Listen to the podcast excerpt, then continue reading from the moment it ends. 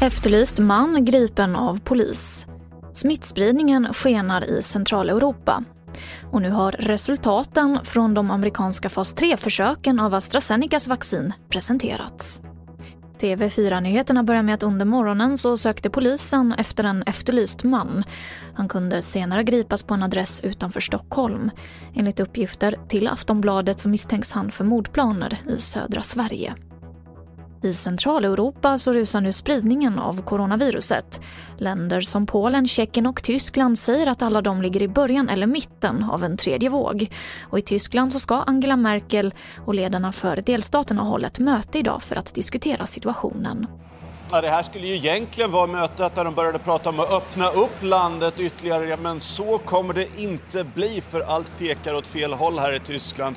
Så det här mötet kommer snarare handla om att förlänga nedstängningen som finns just nu och kanske till och med skärpa reglerna inför ett nattligt utegångsförbud.